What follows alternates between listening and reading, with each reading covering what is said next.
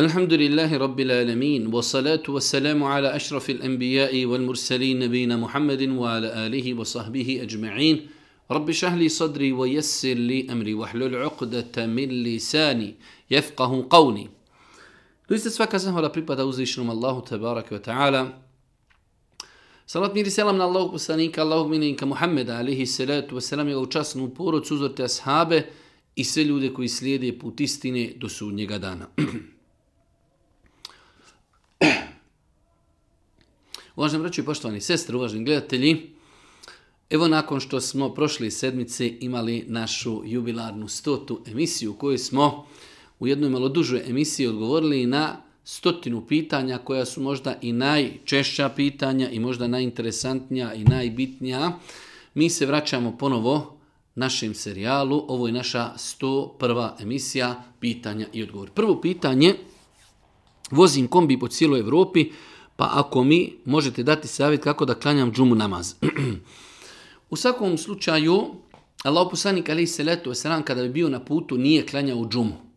E, postoji drugi argumenti koji ukazuju da musafirima, ljudi koji su musafiri, a znamo da je čovjek musafir onda kada putuje dalje od 80 km od mjesta u kojem živi, većina današnjih prevoznika, ljudi koji voze e, kamione i nešto slično tome autobuse, potpadaju pod ovu kategoriju, njima nije obaveza klanjati džumu. Znači, Musafiru nije obaveza klanjati džumu. Ako Musafir može, e, da kažem, ukalkulisati, pa da, e, kada nastupi vrijeme džume, da se zaustavi u nekom gradu, u nekoj džami, da zaustavi kamion, zaustavi svoju vozilicu, da klanja džumu i da nastavi, to je lijepo i pohvalno, ali osnova je znači da musafiri kada putuju nije im obaveza klanjati džumu namaz.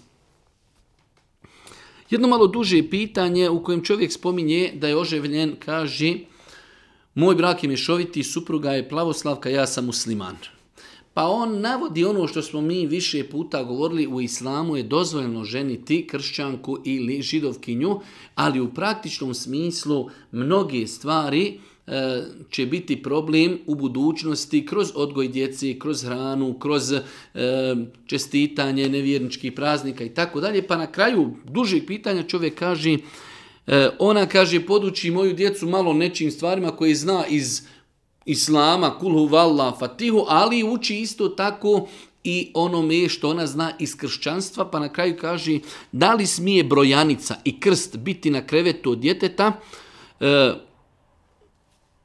pa sam je pitao zašto to stoji, ona je odgovorila da to čuva djecu. E to je ono što smo mi dosta puta govorili, e, nije dozvoljeno, mi u islamu smatramo zabranjenim bilo kakvo vješanje stvari s ciljem da bi te stvari čuvali čovjeka. Mi u islamu zabranjujemo da se e, kače na čovjeka zapisi, talismani, hamajlije, a da ne govorimo koliko je problem da se na krevet od djeteta obisi brojanica ili, ili e, krst kako bi to kao čuvalo djecu. Tako da ono što možemo kazati jeste da je to neispravno. Neispravno je e, kačiti na djecu bilo šta ili njihove krevete s ciljem čuvanja takve djeci od nekih musibeta, uroka, e, zla i tako dalje. Ovo je samo jedan od primjera gdje se jasno vidi da će doći sigurno do problema u braku kada čovjek oženi nemuslimanku, ona će djecu pokušati da odgaja onako kako ona je odrasla. Ne možemo mi njoj nikako reći odgaja to djeto u islamu jer ona ne zna u osnovi islam i onda tu može doći do velikih problema. Ali rezime pitanja je da li se može e, na krevet djeci stavljati e, znači brojanica ili krst s ciljem čuvanja djeci od zla, svakako da je to strogo, strogo zabranjeno. Da li je haram sjeti s osobom koja puši cigare dok to radi?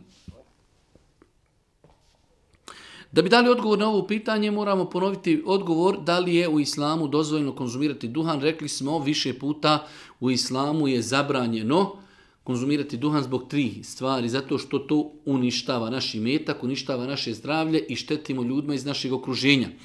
Nije mi poznato da postoji danas učenjak na planeti koji smatra da je dozvoljeno konzumirati duhan ili da je to pokuđeno.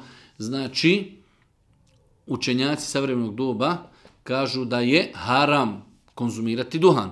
Ako kažemo da je haram konzumirati duhan, samim time, kao što nam je svakako da je alkohol e, na stepenu, većim stepenu zabrani, ali Allah Žešanu nam jasno u Kur'anu zabranjuje da sjedimo sa ljudima E, koji e, znači piju odnosno Boži poslanik Ali se radu samim rodostim hadisima, e, zabranjuju da se sjedi na trpezi na kojoj se pije alkohol. Isto je, znači ako kažemo da je konzumiranje duhana zabranjeno, isto tako čovjek ako se desi u situaciji da je to privatni sto gdje mi imamo kontrolu za stolom, treba takve ljude savjetovati. Ako ne prihvati savjet, onda treba ustati iz, iza tog stola. Za razliku od nekog drugog stola, Znači ako neko e, sjedi do nas u restoranu ili sjedi neko u parku pa on konzumira duhan, to je nešto drugo. Mi govorimo, znači mi sjedimo sa čovjekom za istim stolom u restoranu i on konzumira duhan, trebali bi ga upozoriti, ako ne posluša, onda treba napustiti tako društvo.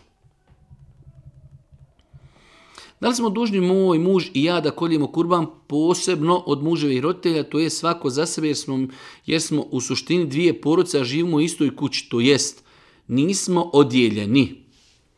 U svakom slučaju islamski učenjaci su kazali sve dok ljudi žive zajedno u istoj kući da je dovoljno za sebe da zakolju jedan kurban. E sada, ako ljudi žele i imućni su i mogu da zakolju dva kurbana, Svakako da će to ako Bog da biti kabul i primljen kod Allaha te barka tala, ali sve dok ljudi nisu odjeljeni, dok žive u jednoj kući za takvu porodcu je, bez obzira kada bi bilo 15, 20, 10-ero manje ili više, dovoljan je jedan kurban, ako ljudi žele zaklati više, imaju pravo.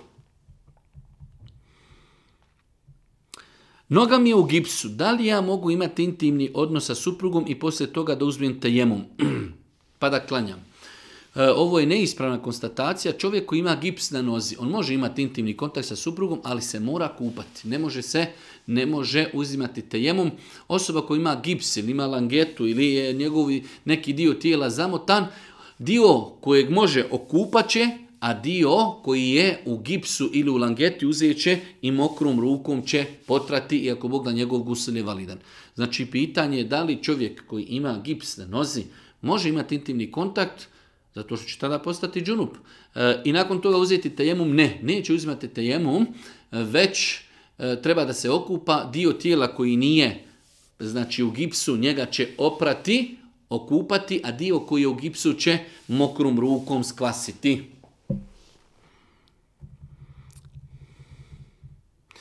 Da li je ispravno da šerijetsko vjenčanje da bude na način da muž sam prouči dovu bez svjedoka i bez hođi. Znači sam muž i žena su prisutni muž samo prouči dovu i smatruju da to šerijetsko vjenčanje. Već nekoliko pitanja mi se postavlja u zadnjem periodu gdje se ljudi poigravaju sa šerijetskim vjenčanjem. Pa eto, čuo sam da postoji ta neka verzija, čovjek i žena sjednu i kažu, evo sam će muž proučiti neku dovu, ne znam koju on jadnik dovu prouči, i eto, tada su njih dvoje muž i žena, to je apsolutno neispravno. Da bi brak bio validan, moramo imati saglasnost staratelja, moramo odrediti mehr, moramo imati sjedoke. Znači, ove stvari moraju se moraju se ispuniti da bi brak bio validan. Ovakve stvari su neisprave. Nažalost, čuo sam više slučajeva gdje ljudi tako stupaju brak. Ovakav brak je neispravan i nemojte se igrati sa ovakvim stvarima. Znači da čovjek i žena sami stupe u brak kao prouče neku dovu i od tada oni počinju biti čovjek i žena. To je neispravno. Za validnost braka je potrebno da imamo saglasnost staratelja, da imamo svjedoke i da se odredi meher i da imamo osobu koja će obaviti čin vjenčanja.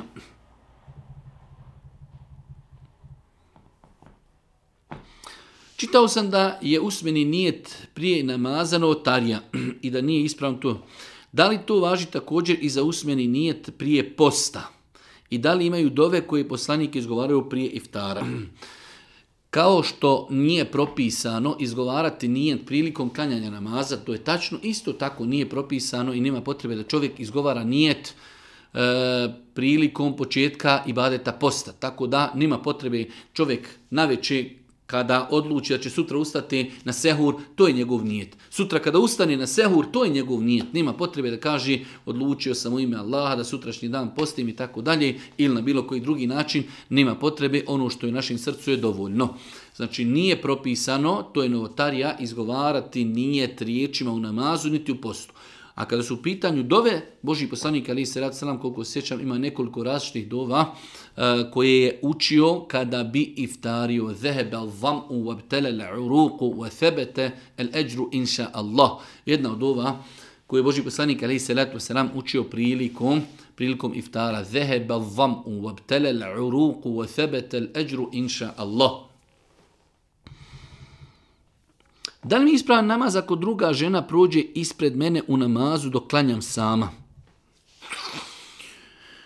Mi imamo vjerodostajan hadis u kojem Allah poslanik ali se letu selam kaže namaz čovjeka muslimana ako bude obavljen bez sutri koja je u veličini e, kraja sedla biće pokvaren ako ispred klanjača prođe žena i muškarac i crni pas.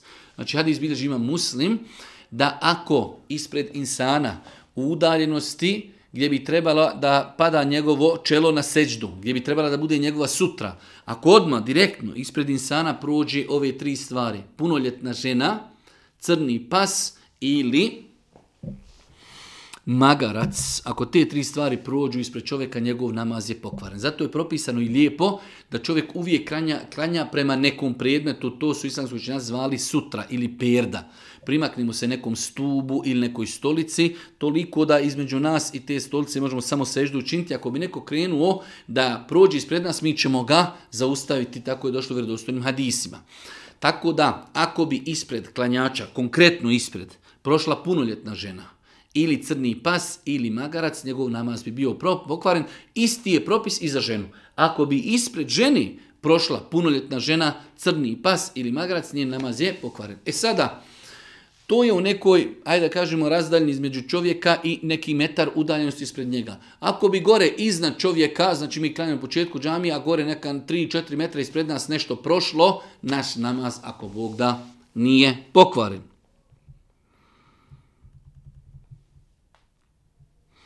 Da li smijem poslije farza u džematu odmah klanjati sumnete na istom mjestu, to jest da su neke žene ispred mene, ili se trebam odmaketi da nema niko ispred mene. Znači ovdje je pitanje, prva stvar, da li smijem odmah poslije farza u džematu klanjati sunnete na istom mjestu da neko stoji ispred mene. Dva pitanja. Prvo pitanje treba uvijek poslije farza sazikriti onaj zikr da provuči majetul kursi 33 puta subhanla, 33 puta ilhamda, 33 puta Allahu ekber.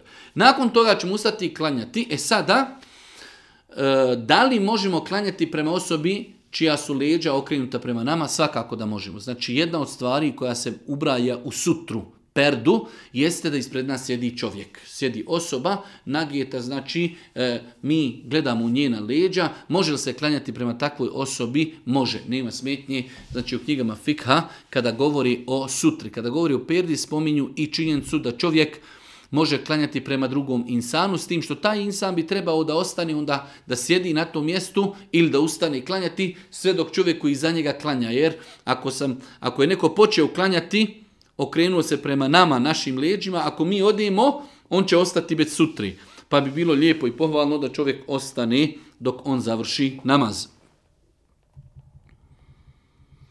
Da li se, kada klanjamo namaz, početni tekbir mora donijeti naglas ili može u sebi. E, početni tekbir je jedan od najbitnijih ruknova namaza. Početni tekbir je jedan od najbitnijih ruknova namaza.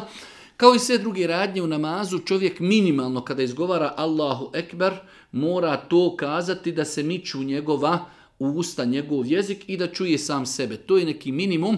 Ne mogu, nije ispravno čovjek digne ruke i u mislima kaže Allahu Ekber njegov namaz tada je neispravan. Znači, ako čovjek klanja sam, može i podići malo glas Allahu Ekber, a ako klanja u džami, onda je dovoljno da kaže Allahu Ekber, znači da čuje sam sebe, ali mora micati usta. Nije ispravno. To je jedna od velikih grešaka kod velikog broja klanjača.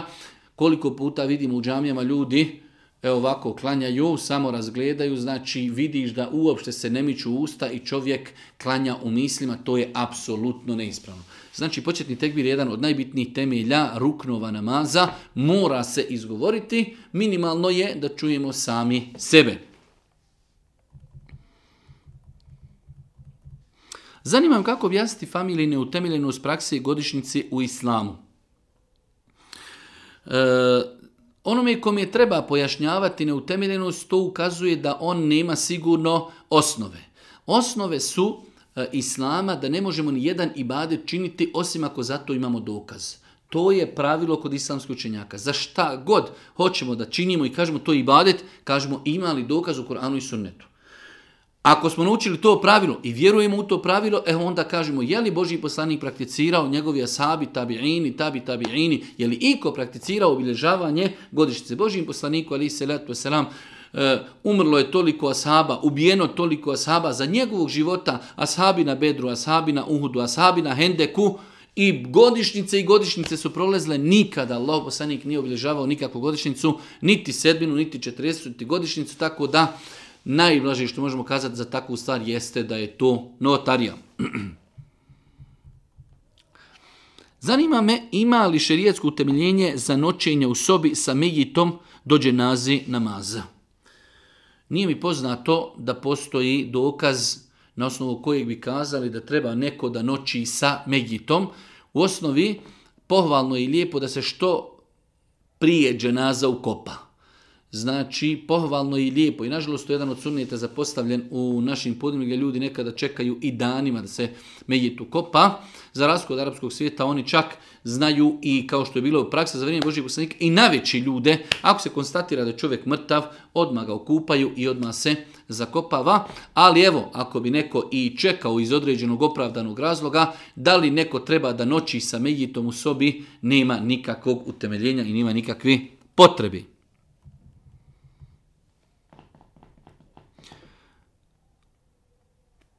Da li haram, odnosno smatra se kamatom razmjena novca u mjenjačnicama? Ne. Trgovina valutama je dozvoljena. Trgovina valutama dozvoljena je i ne potpada pod kamatu. Da li mi je dozvoljeno skratiti i spojiti namaz ako sam otišao od kuće na planinu, boraviću dva dana. Planina je udaljena o, oko 2 do 3 km od moje kući. Planina udaljena od čovjeka 2 ili 3 kilometra, on će ostati na toj planini dva dana, da li on može biti tu musafir, nije mi poznato da neko od islamskih učenjaka na takvom kratkom znači, e, prostoru, takvoj udaljenosti, e, da je dozvolio da čovjek bude i da se smatra musafiru.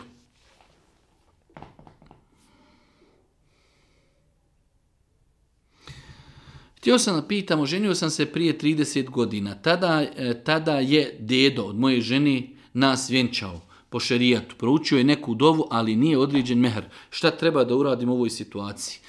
E, Dozvoljno da se sklopi brak u kojem nije definisan mehr. U takvoj situaciji e, daje se ženi mehr, to Arapi kažu mehr mithl, daje se mehr identičan drugim ženama iz Hrvatska njene, znači, familije, rodbine, koje su, ajde da kažemo, u svemu nečemu slične njoj i ljepotom i porijeklom e, i, i ugledom i školom i svime. Znači, ako, kažemo, većina ti njeni, njena majka, njena sestra, njena nana, sve su uzimale mehr hiljadu maraka ili dvije hiljade, tada i ta žena ima pravo da dobije takav isti identičan mehr.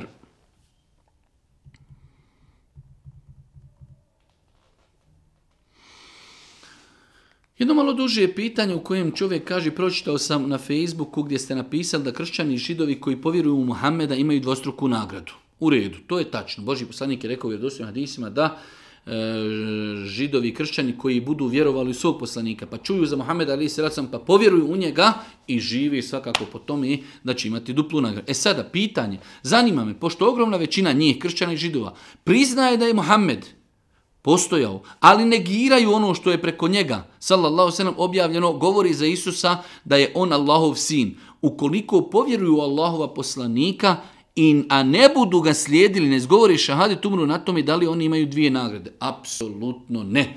Znači, ne da neće imati dvije, neće imati ni jedne nagrade. Osoba koja je čula za Mohameda, alaihi salatu wasalam, i ne povjeruje u njega. Nije ovdje došlo samo nagradu, će imati dvije nagrade. Osoba koja je bila kršćan ili židov, čula za poslanika i dobio dvije na ne.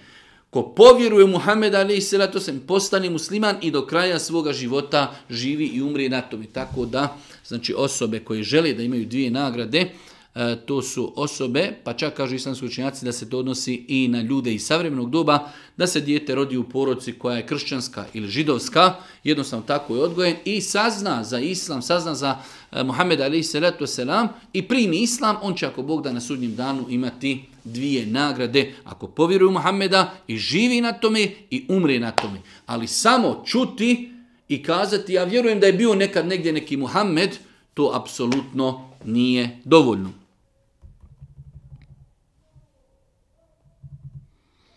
Jedno malo duže pitanje radi se o tome da jedna djevojka spominje da je upoznala momka, jednom drugom odgovaraju, ali njen otac njemu se svidjelo kod tog momka što njegova poroca ne praktikuje islam.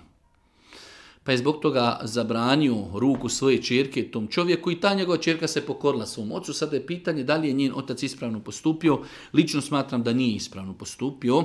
Ako bi svi sutra gledali tako na tog momka, koji se možda odrasta u nekoj poroci koja nije poznata po islamu i možda je čak ima i grijeha i kriminala i nemorala, ali ga je Allah uputio iz te poroci, ako bi svi prema njemu se tako vodili, kako bi taj čovjek sutra našao djevojku i kako bi stupio u brak, tako da... Uh, pomeni je možda eh, realno da čovjek kaže vidi pošto tvoja poroca ne praktikuje islam ne bi da moja, žen, moja čirka ima problema sa njima, želim i uvjetujem da živite zajedno odvojeno od njih to je pomeni normalno ali e, odbiti ruku e, momka koji je moralan, čestit vjernik i sviđa se djevojci i djevojka se sviđa njemu samo zato što njegova rodbina ne praktikuje islam pomeni to e, je neispravno a znači ova djevojka kaže ona je se već pomirila sa odlukom svoga oca, ali samo pita da li je ispravno postupio, smatram da je neispravno postupio.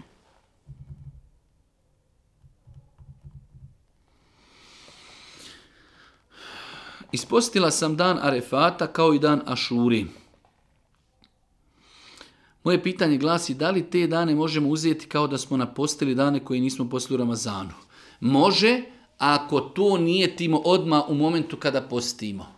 Znači, ne može čovjek postio dan Ašurije, postio dan Arefata i sada dođe i kaže nakon tri mjeseca ili četiri ili pet, eh, trebao sam napostiti pet dana, ali pošto sam postio na dva dana, ostavim još tri dana. To je ne može, neispravno. Kao kada dajemo zekijat. Ne može čovjek da dadni tamo bijedi 100 maraka, nakon toga ga, eh, sad ću ni 100 maraka računati u zekijat. Može kada dijeli da tada ima nijed kada, e ovo je 100 maraka na ime zekijata i dadni. Isto tako osoba koja ima na posteti pa kada želi da posti dana refata ili želi da posti dana šure kaže e danas ću postiti dana refata ali imam namjeru i da napostim jedan dan. Tada je to ispravno. Ali da to kažemo nakon 6 mjeseci to sigurno nije ispravno. Otac mi je preselio, imam želju da ga još jednom vidim. Zanima me koji su propisi, da li je dozvan da ga dodirnem, poljubim i šta treba da proučim. E, pričam o susretu Gusulhani. Nema nikakve smetnje da rodbina, prijatelji, poznanici, pogotovo kad su u pitanju supruga, djeca, da nakon što e, osoba koja gasuli medjita, da oni dođu da se otkrije njegovo lice, znači da ga poljube, e, da prouče za njega dovu, nima, ništa, nima u tome ništa sporno. Ebu Bekr radijallahu talanhu, e, kada je došao, kada je čuo da je Boži poslanik, ali se letu selam, umru, došao je, otkrio njegovo lice i poljubio je njegovo lice, tako da nima nikakve smetnje e, da osoba, da li će to biti dijete, da li će to biti prijatelj, da li će to biti supruga, da li će to biti majka, otac, Znači da dođe nakon kupanja, da otkrije glavu Megita, da ga poljubi, da prouči Allah subhanahu wa ta'ala dovu za njega, bilo koju dovu gospodaru oprosti mu, smiluj mu, smiluj mu se, e, podari mu dženne, sačuva ga kaburskog zaba, bilo koju dovu da prouči, ako Bog da, sve je to dobro.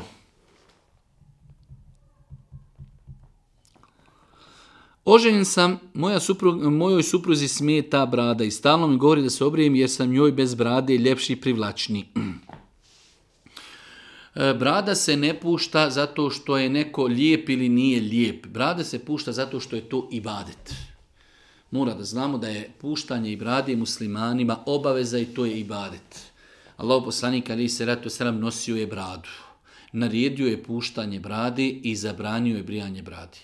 To znači, Ibn Hazm, rahmetullah, jelih, navodi konsenzus islamsku učenjaka da je haram brijati muškarcima bradu, tako da e, treba ta e, supruga da se malo strpi, ako Bog da čovjek kada mu poraste brada, sigurno će se ona naviknuti, iako Bog da vidjet će da je njen muž sa bradom ljepši i da ima više muškosti nego kada obrije svoju bradu, a i da to i ne desi se, muškarcu i dalje obaveza, da pusti bradu.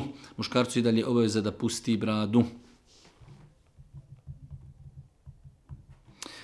Jedno malo duže je pitanje gdje jedna naša sestra pita Moja majka zahtjeva svaki mjesec da se šalje njoj novac za nju i braću, iako od njih niko ne radi, a zdravi su i sposobni. Ne želim da dovodim svog muža u takav položaj jer on i kako radi i trudi se maksimalno da bi nas da bi nas i naši šestero djece obezbijedio u svakom pogledu i tako dalje.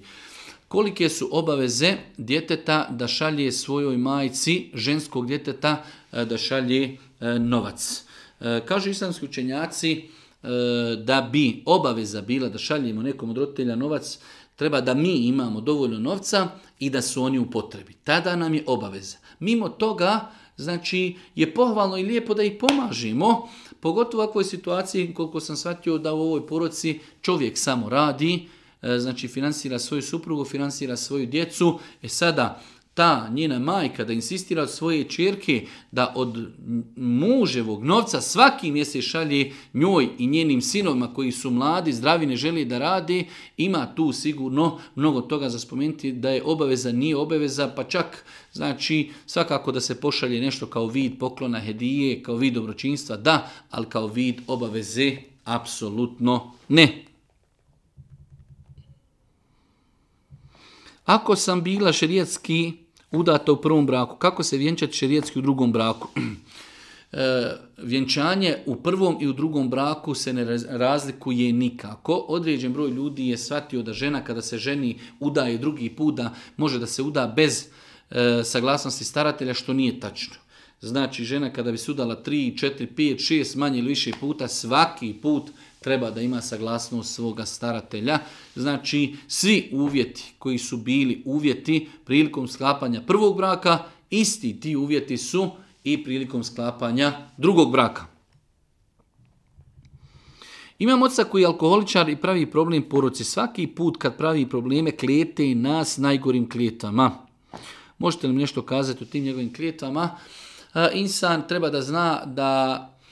E, da se u jednu ruku ne boji klijetvi koje su kazane, a on nije zaslužio da ga neko proklinje. Pogotovo od strane nekoga ko čini zulum, nepravdu, neko ko je u alkoholiziranom stanju, tako da e, insan ne bi trebao da razmišlja o tome i da se nešto plaho boji toga, jer uzvišnja Allah s.a. je apsolutno pravedan, neće, neće e, nikome nepravdu učiniti to što neko pijan ne zna šta govori, pa u svemu tome još i proklini svoju djecu, ne treba se na to osvrtati, niti treba se bojati takvih dova i takvih kljetvi.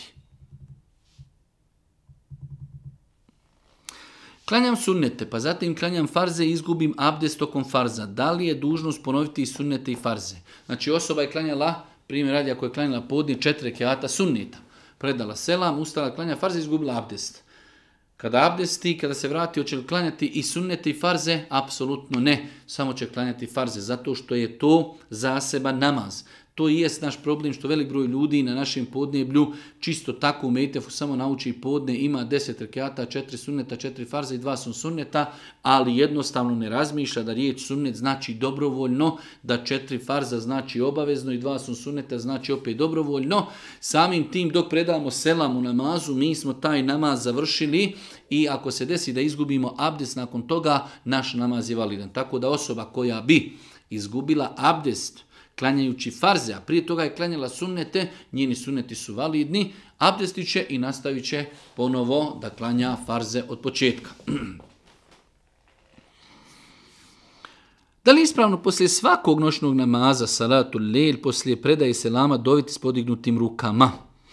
Ne vidim u tome ništa sporno, pošto je zadnja trećina noći vrijeme dove, a jedan od sunneta i pohvalnih postupaka dove jeste dizanje ruku. Tako da, bez obzira što će to čovjek činiti kontinuirano, ne vidim u tome ništa sporno, zato što nalazimo se u vremenu kada je propisano doviti i znači jedan od sastavnih dijelova učenja dove jeste i podizanje ruku. Tako da, Nima smetnje, inšala, da osoba koja klanja noći namaz nakon noćnog namaza dovi da svaki put podigne ruke prilikom činjenja dovi. Kada se vratim sa rukua, kratko, da li nakon dizanja ruku ponovo vezivati ruke ispod prsa ili ćemo ih e, e, ispustiti niz tijelo? Znači osobe koje dižu ruke u namazu, rekli smo prvi put dižu ruke kada donesu početni tekbir, drugi put dižu ruke kada idu na ruku, treći put kada se vraćaju sa ruku, a sem Allahu limen hamide. E sada, kada dignemo ruke, da li ćemo ruke svezati? Znači, sačekati malo potiću na seždu ili ćemo dignuti ruke i spustiti ih niza se. U svakom slučaju e, Imam Ahmed i drugi učenjaci su smatrali da u pogledu ovog pitanja ne postoje jasni argumenti. Postoje argumenti, ali nisu jasni, već su to indirektni argumenti, tako da šta god da čovjek prakticira, ako Bog da, dozvoljeno je. Dozvoljeno je prakticirati da čovjek sveže ruke, dozvoljeno prakticirati da digne ruke da ispusti, a dozvoljeno prakticirati nekada da ispusti, nekada da ih sveže. Sve je to, inša Allah, biznila, dopušteno. Koja je sura kada je dva puta proučimo kao da smo proučili cijeli Kur'an? Nije mi poznato da postoji sura koju kada pročitamo dva puta kao da smo cijeli Kur'an proučili. Poznato mi je e, i to je opće poznato da je Allah poslanik za suru El Ihlas, kul huvallahu ahad, kazao da vrijedi trećinu Kur'ana. Ta osoba koja tri puta prouči suru kul huvallahu kao da je pročitala cijeli Kur'an, to je nešto što znam, nisam nikada čuo da postoji sura koju ako pročitamo i proučimo dva puta da imamo nagradu proučenog Kur'ana. Jedno malo duže pitanje, ali je osnova pitanja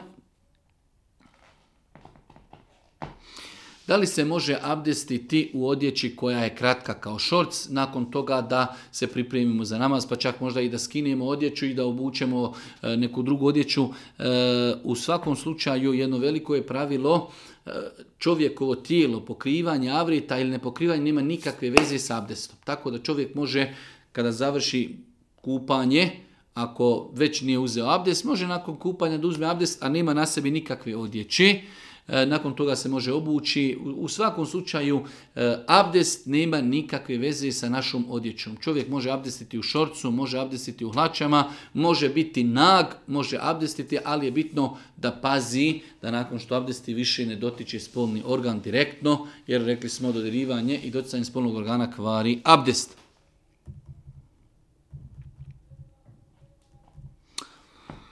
Postim i slučajno sam nakon podne namaza popio vode dok sam pomagao svojim roditeljima neki posao. Da li mogu nastaviti sa postom? Apsolutno da.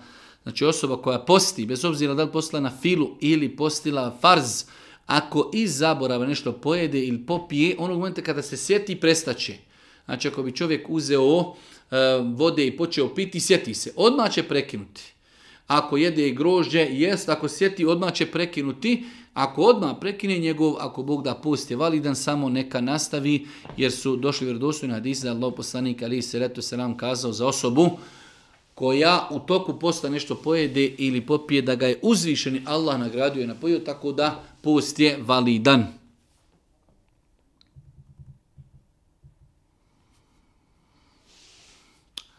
Imam bebu 10 mjeseci, koju kažu da je urečena puno i da treba saljevati stravu, pa me zanima da li je to zabrano po islamu.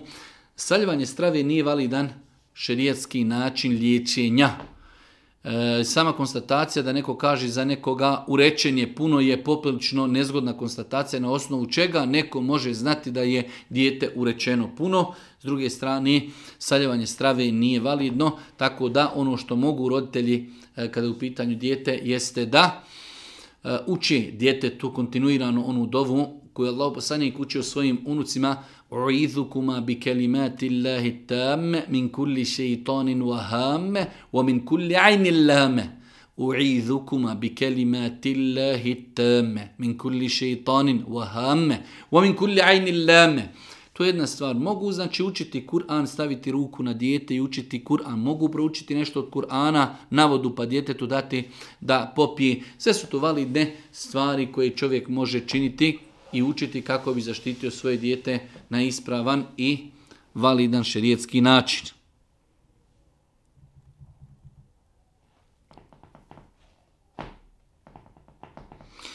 Više pitanja nam dolazi kaj u braku sam 8 godina imam djevojčicu šest godina i tako dalje.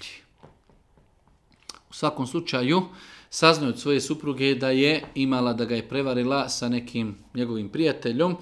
E, pitanje je da li čovjek može nastaviti živjeti sa ženom koja je imala intimni kontakt sa nekim, znači počinila blud. Pravo ima, pravo ima, znači stvar se vraća na situaciju da li takva osoba se pokajala. Eh, prva stvar čovjek kao što ima pravo da nastavi živjeti, ima pravo da i razvede. Tamo da kada je pokajala sam se, čovjek ima pravo da i razvede. Učinila si veliki grije, prevarila si me, znači čovjek ima, to je dovoljno širijetski razlog da i razvede. Čovjek ima pravo da razvede suprugu kada je počinila nemoral. Ali isto tako, ako vidi da doista se ta osoba pokajala, da joj je žao, da, eh, da nema nikakvi više pokazatelja, da je to više radila i da će raditi i tako dalje, ima pravo da joj da priliku i da nastave pono živjeti, sigurno će to ostaviti dubokog traga na njega, na njegovo srce, e, na njihovu harmon, njihov brak, ali čovjek ima pravo, ako vidi tragove pokajanja kod te ženi, da nastavi živjeti, a isto tako, ako to ne može oprostiti, ako ne može se pomiriti sa tim, ima pravo da razvede ženu. Da li je dozvoljeno da djevojka radi na telefonu koje tehničkoj podršci korisnicima u preduzeću. E, može žena da radi kao tehnička podrška korisnicima preduzeća, zato što je tačno mišljenje da ženski glas nije avret. Žena znači, e, ako ima konverzaciju, komunikaciju sa ljudima putem telefona, treba samo da normalno razgovara bez ikakvog kikotanja, bez ikakvog uljepšavanja glasa. Ako se bude tako ponašala ko Bog da, njen posao je, inšala, ispravan.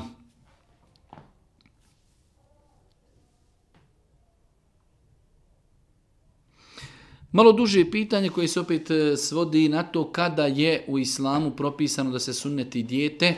Ne postoje argumenti ni u Kur'anu ni u sunnetu Božih poslanika koji koji su precizirali kada se treba sunetiti dijete. Tako da stvar se vraća više na e, i tehničke i druge mogućnosti. Nekada određen ljudi jednostavno ne žive u podneblju gdje mogu rano dijete osuneti ono što je sigurno u praksi se pokazano da je najljepši djecu rano osunetiti. Znači možda u prvi mjesec, drugi mjesec, treći mjesec. Nije to obaveza, ali definitivno što djeca e, više rastu, to će im biti teže, imaće više...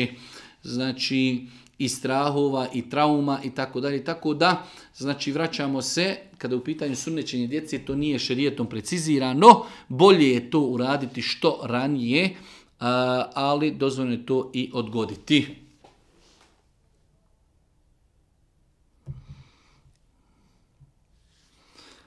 Ne znam šta da učinim, ženu već neko vrijeme molim da se pokrije, da stavi hijab, a ona to ne želi. Ne znam šta da učinim. U svakom slučaju osoba ako je zadovoljna sa suprugom u svakom pogledu, u moralnom, vjerskom, ali eto jednostavno teško joj je da stavi mahramu, treba da zna da e, stavljanje mahrame pogotovo u tom nekom zapadnom svijetu nije laha korak. I ako se osoba sama iz uvjerenja ne pokrije, onda će to biti jedan veliki problem. Neće biti spremna da se nosi sa iskušenjima koja će doći u paketu tog njenog hijjaba. Zato je veoma bitno osaburati i lijepo i na lagahan i blag način tu ženu posticati na hijjab. Svakako žena koja ne nosi mahramu na nagor svoga muža ima dva grijeha. Griješna je što ne nosi mahramu zbog gospodara i griješna je što nije pokorna svome mužu. On od nje traži nešto, a ona to ne ispunjava. U svakom slučaju, moj je savjet, ako je čovjek... E, zadovoljan sa svojom suprugom u svakom pogledu i moralnom i vjerskom, ali to jednostavno nije još počela da nosi mahramu, e, treba da na lijep, blag i mudar način da je podstići na nošenje mahrame, a, pod pretpostavkom, to nije ispravno, da je natjela da nosi mahramu, neće biti spremna sutra da se nosi sa izazovima e, koje će dobiti u životu zbog svoje mahrame već kada ona iz svog jakina i svoga ubjeđenja bude nosila mahramu, tada će se ona biti spremna boriti za tu svoju mahramu i na poslu i na ulici i u tramvaju, jer to radi iz uvjerenja, iz ubjeđenja. Tako da, moj savjet je osaburati lijepo, blago, mudro pozivati mahramu.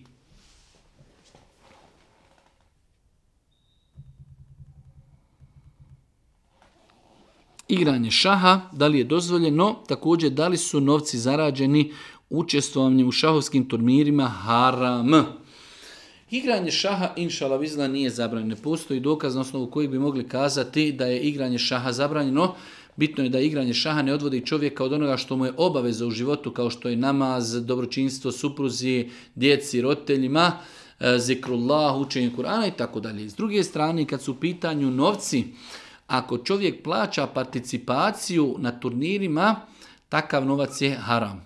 Ako bi čovjek otišao da jednostavno organizator kaže mi pozivamo učesnike, a mi ćemo nagraditi učesnike, to bi inšala moglo biti dozvoljeno, ali ako ima neka participacija da svaki učesnik plati po 10, 20, 50, 100 maraka, a prvi će dobiti 1000 maraka, onda je to onda je to neispravno. Znači, e, jedina opcija da je to dozvoljno jeste činjenica da organizator obezbijedi poklone, a da učesnici ništa ne plaćaju.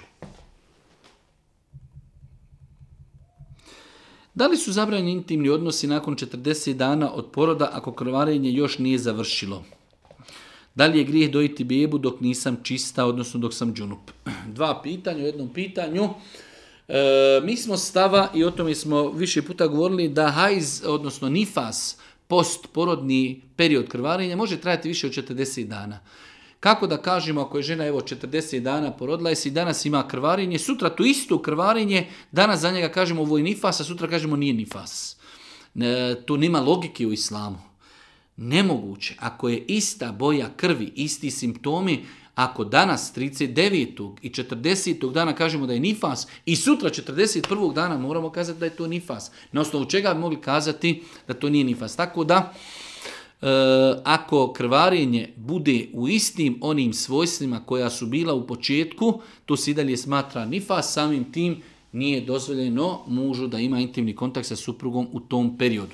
Da li je dozvoljeno žen da zadoji svoje dijete dok je u stanju džnupluka? Apsolutno da znači žena u stanju džunupluka je fizički čista, nima nikakve veze sa tim, tako da može bez ikakvih problema nahraniti svoje dijete.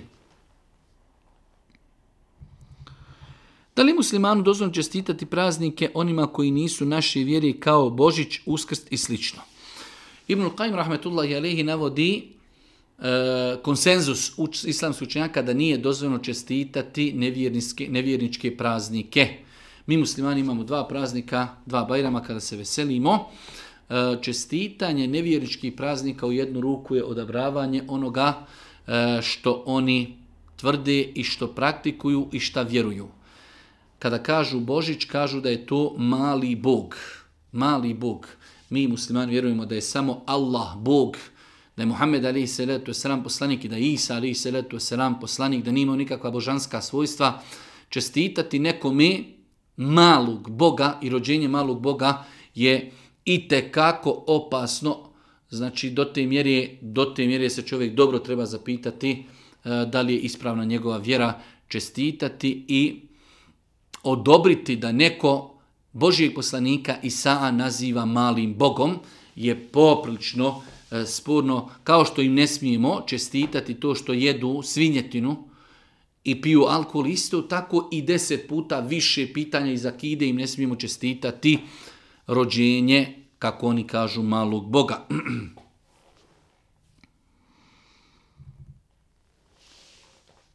dakle, moja Amidža ima sina. Zanima me, pošto su neki govorili da je sa majčine strane veći rod, da li me Dajđić može vidjeti bez mahrame? Ne.